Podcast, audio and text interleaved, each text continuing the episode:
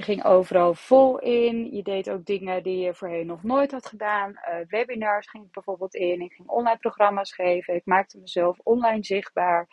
Uh, nou, dat waren heel veel dingen buiten mijn comfortzone. Uh, zelfs als ik ehm, ja, reacties daarvan kreeg van familie en vrienden die enerzijds um, ook echt wel heel erg positief waren, maar er zaten natuurlijk ook altijd een paar tussen die dan zeggen van, moet dat nou? En uh, waarom zou je dat doen? En dit en dat. En daar werd ik dan best wel onzeker van. Maar goed, dat weerhield me eigenlijk nog niet zozeer van het succes. Twee dingen in het bijzonder wel. En dat was, het eerste ding is dat ik niet vertrouwde op mijn cijfers.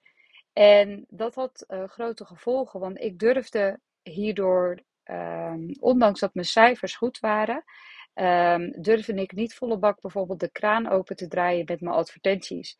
Terwijl ik hele lage leadprijzen had, terwijl ik hele hoge conversies had. Wat betekent dat, er dus, dat ik heel veel nieuwe potentiële klanten op mijn e-maillijst kreeg, die ik vervolgens ook heel goed weer uh, richting uh, mijn online programma's kreeg. Dus dat ik daar heel veel klanten uit had. Mijn cijfers lieten zien dat dat echt een hele goede uh, weg was.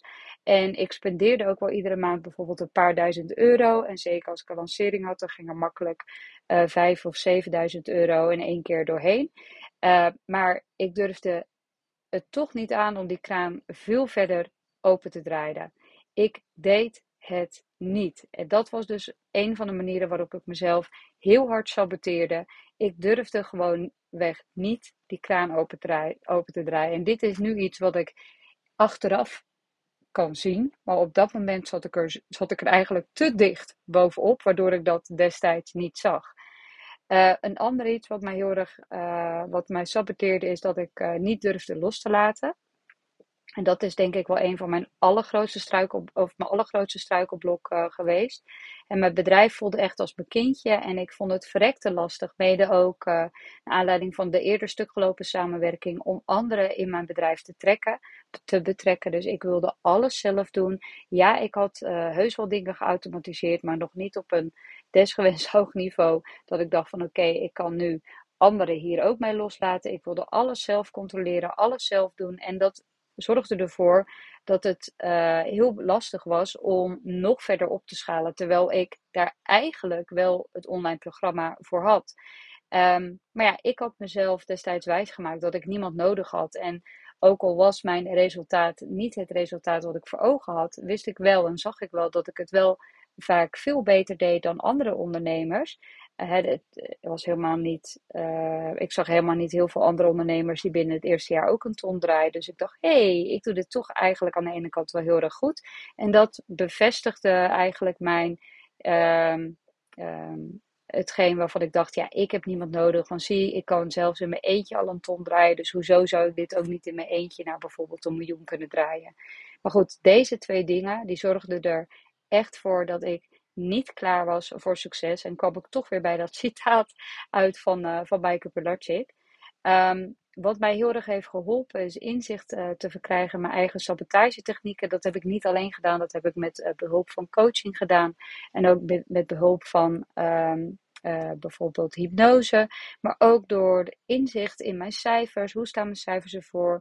Is het wel zoals ik denk? En wat zijn is mijn eigen gevoelens? Hè? Uh, evalueringen doen of evaluaties doen ten aanzien van uh, lanceringen. En ook echt die hypnose, daar heb ik echt zoveel uitgeha uitgehaald. En door die hypnose werd het mij direct duidelijk, al terwijl ik nog onder hypnose was, wat ik deed en hoe ik dat anders zou kunnen doen. En na die hypnose merkte ik bijvoorbeeld ook direct verschil en ging ik dingen daadwerkelijk anders doen. Met resultaat.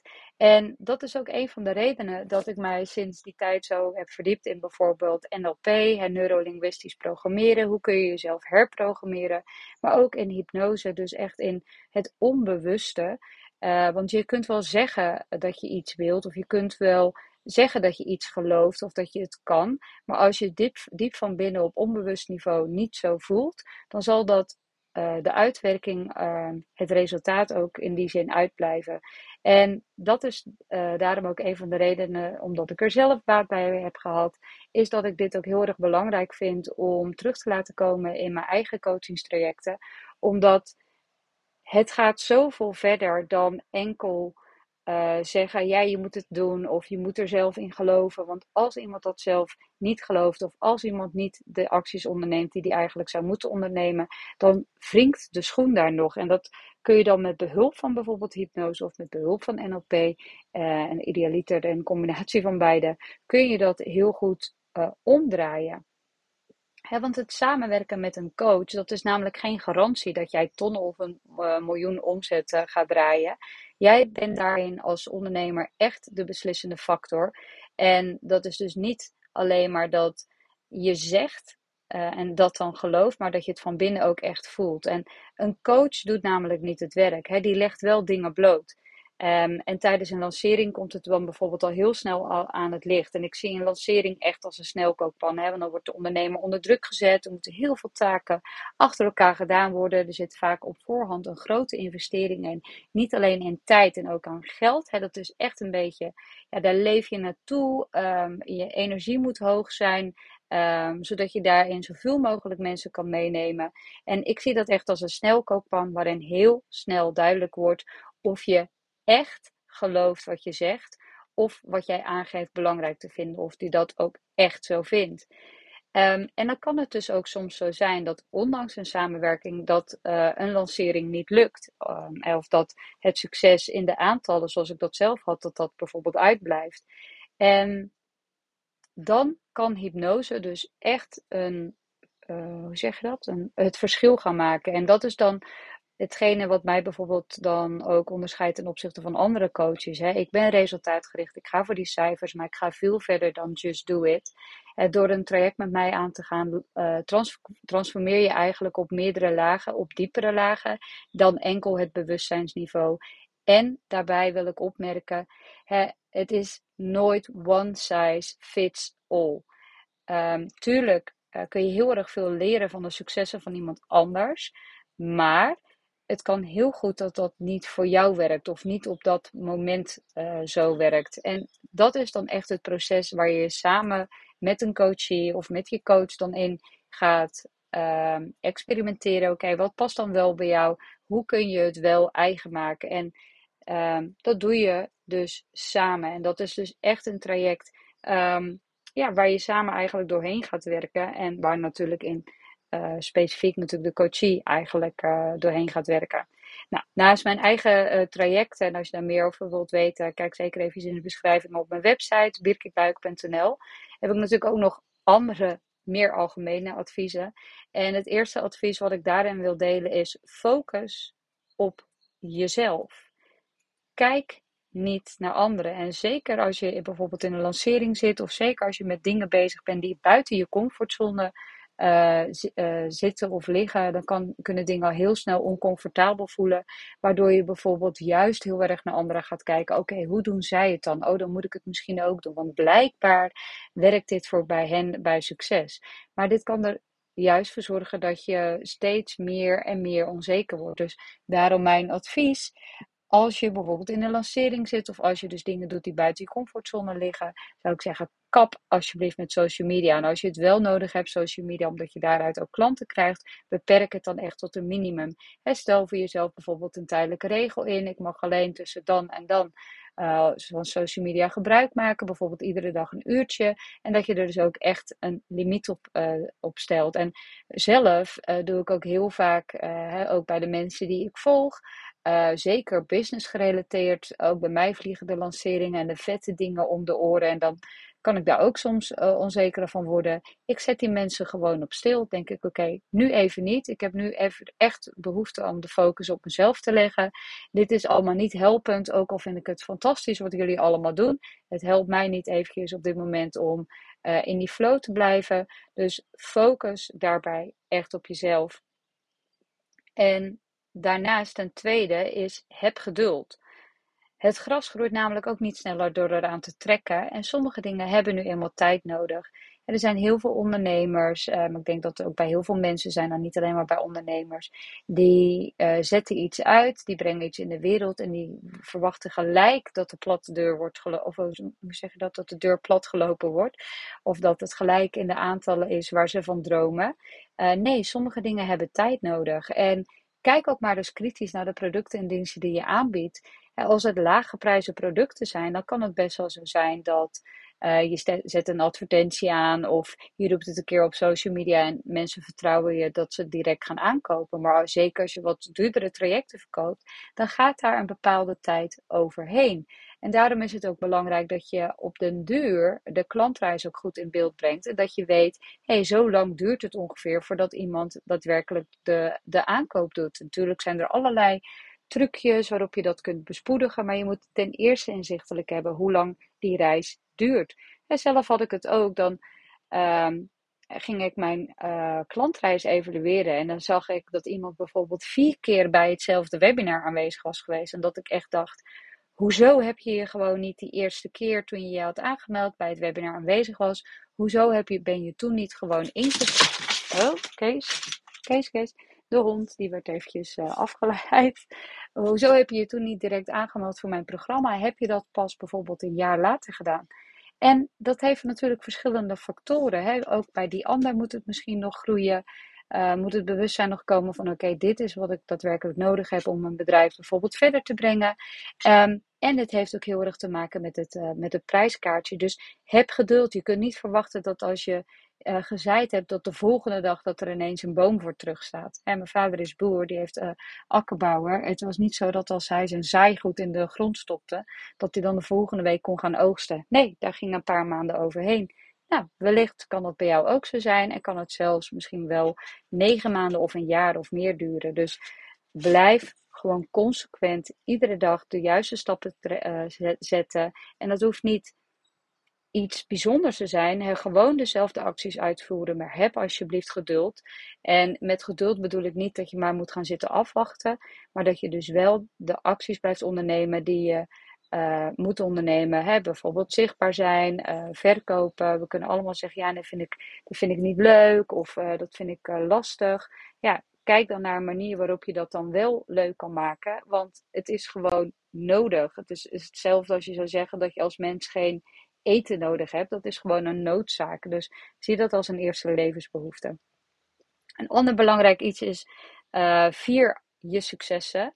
En successen, dat klinkt misschien als iets groots. Hè, van, oh, dan moet ik bij de lancering moet ik zoveel K binnenhalen. Zoveel duizenden euro's omzet.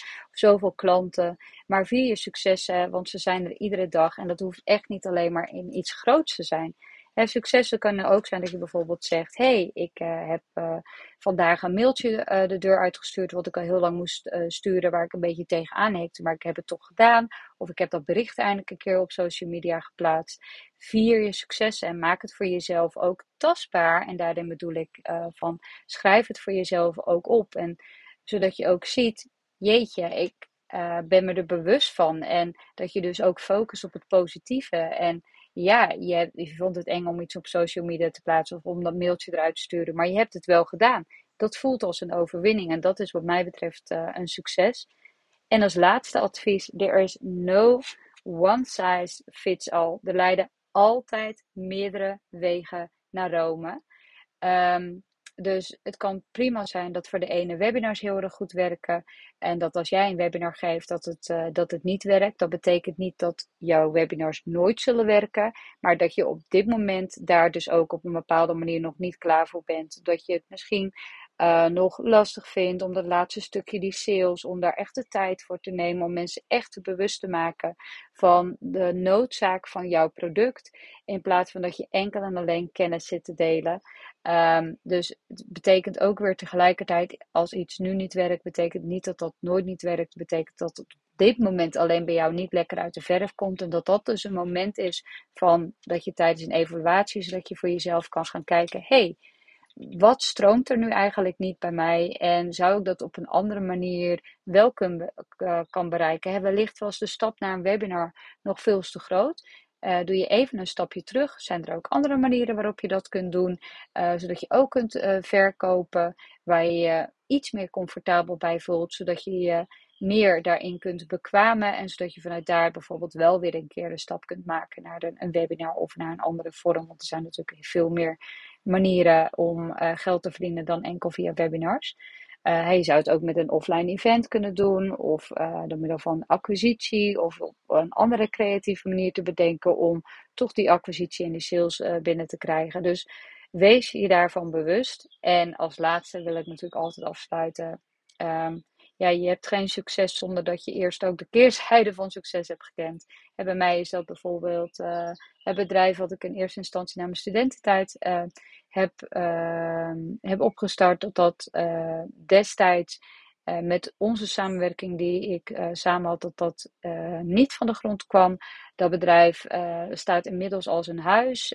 dus ja, dat wil niet zeggen dat het nooit niet van de grond kwam. Alleen met ons tweeën kwam dat niet van de grond.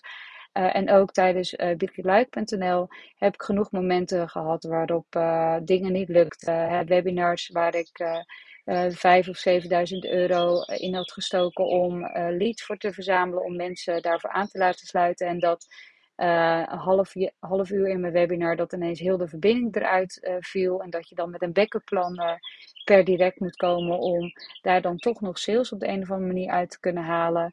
Um, advertenties die naar verkeerde uh, pagina's leiden, mails die uh, ten onrechte worden verstuurd, um, um, uh, dat het niet mogelijk is om af te rekenen, dat, dat ik events organiseer op zon- en feestdagen, wat ook overigens niet echt bevorderlijk is voor het succes wat je daar dan uithaalt. Ja, zo zijn er tal van dingen waarbij ik dacht, oeps, dat was wel een redelijk ja, hoe zeg je dat? Een redelijk leerpunt, zo zou ik het nu benoemen. En destijds dacht ik, uh, dacht ik gewoon, oh mijn god, wat kut. Dus wat ik hiermee wil zeggen, wat als resultaat uitblijft, is blijf je pad vervolgen. Blijf jezelf uh, zichtbaar maken. Zet iedere dag gewoon consequent een stapje in de goede richting. En evalueer dus ook waar het knelpunt zit. Hè? Wat zit er nou? Is het misschien je online zichtbaarheid waar je, wat je lastig vindt? Is het meer op het gebied van money mindset? Zitten er dingen in met betrekking tot zelfvertrouwen? Ben je net zoals ik bijvoorbeeld bang om te falen? Wat ik destijds heel erg had. Ik was gewoon echt bang om te falen. Dan is het de moeite waard om dat uh, te onderzoeken. En uh, ja, voor mij heeft daarin hypnose heel erg geholpen. En ik merk dat nu dus ook terug bij mijn uh, coaches, die ik daarin uh, ook mag hypnotiseren. Uh, dat het ook bij hen echt hele grote impact heeft. Ehm, dus het kan zomaar ook iets voor jou zijn. En natuurlijk ook hierin hypnose. Als je zegt dat vind ik niks, dan is er op dat moment ehm, ook heus wel iets anders wat voor jou werkt. En daar moet je dan uh, naar op zoek. Mocht je wel geïnteresseerd zijn in hypnose en of in een coachingstraject van mij, dan weet je me te vinden. Ik help je met liefde en ik richt me met name op uh, ondernemers die echt al verder zijn. Dus niet de starters, um, maar echt ondernemers die uh, zeggen van oké, ik ben klaar voor de volgende fase binnen mijn bedrijf. En daarin ga ik bijvoorbeeld opschalen. Daarin wil ik uh, dat dingen makkelijker gaan, zodat ik zelf een stapje terug kan doen binnen mijn bedrijf. Dat is uh, waar op dit moment voor mij ook uh, de meeste voldoening te behalen valt in, het, in het coachen van, van ondernemers. Dus als ik je daarbij kan helpen, hoor ik het heel erg graag. En daar wil ik mee afsluiten voor deze keer. Um, ik wil je hartelijk bedanken voor het luisteren weer naar een nieuwe podcastaflevering. Ik maak de afleveringen met heel veel plezier en liefde. Um, laat het ook even zien als je dit een goede aflevering vond. Of als je input wilt geven voor de volgende aflevering. Uh, stuur me zeker een, DM. Ik ben natuurlijk te vinden op uh, Instagram, maar je kunt me ook bereiken via mijn website. Een hele fijne dag en eh, je hoort me weer de volgende keer. Ciao!